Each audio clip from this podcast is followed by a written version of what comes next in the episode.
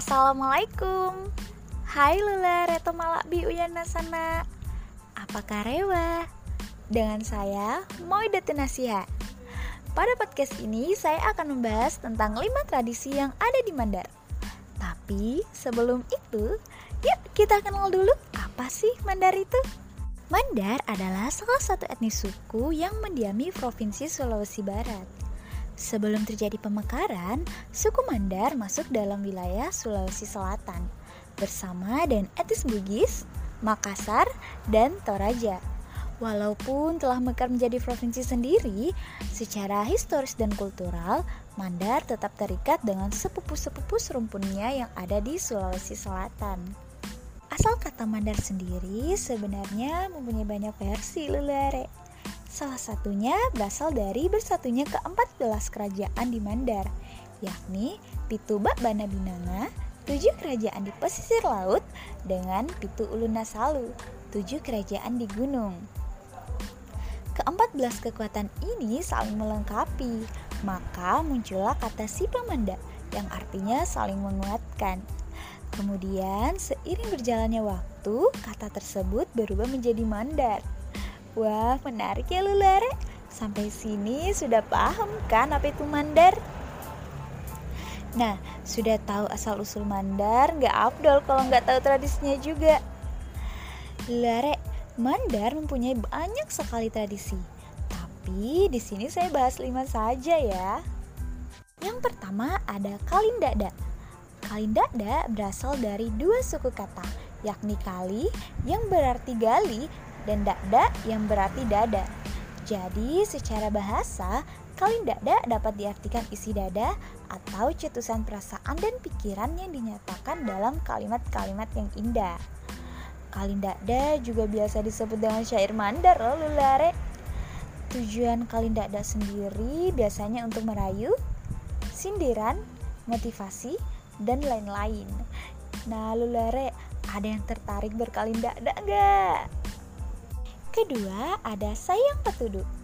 Nah, luluare, jangan salah fokus dulu ya. Ini bukan sebutan sayang untuk pacar atau doi kalian, tapi sayang. Jadi huruf Y-nya ada double ya. Sayang sendiri artinya adalah kuda dan patudu artinya menari. Jadi kalau digabung artinya kuda menari. Tradisi yang satu ini biasanya dilakukan untuk anak-anak yang telah berhasil menghatamkan Al-Quran. Tradisi ini dilakukan dengan arakan keliling kampung dengan menggunakan seekor kuda yang menari di bawah lantunan irama para pengiringnya. Bahkan, tidak sedikit orang Mandar yang tinggal di luar Sulawesi Barat rela pulang untuk menyaksikan tradisi yang satu ini.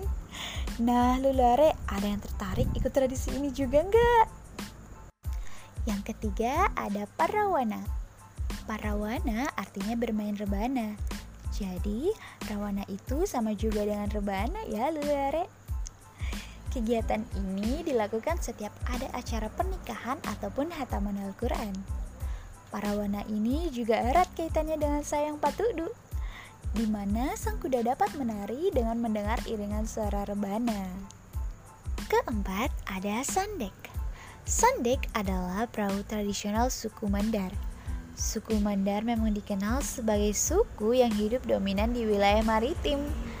Jadi tak heran banyak kalangan yang menilai bahwa Mandar adalah pelaut ulung yang melintasi luasnya lautan dengan perahu sandek.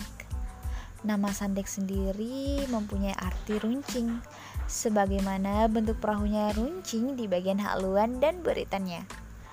Oh iya luluare, Sandek ini sudah mendapatkan rekor dunia loh sebagai perahu tanpa mesin tercepat yang ada di dunia. Wah, hebat ya. Kemudian yang terakhir ada membaca-baca.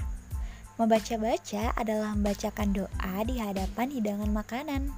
Membaca-baca dilakukan masyarakat pada saat lebaran, akikah, sunatan, hingga ketika ingin masuki rumah baru.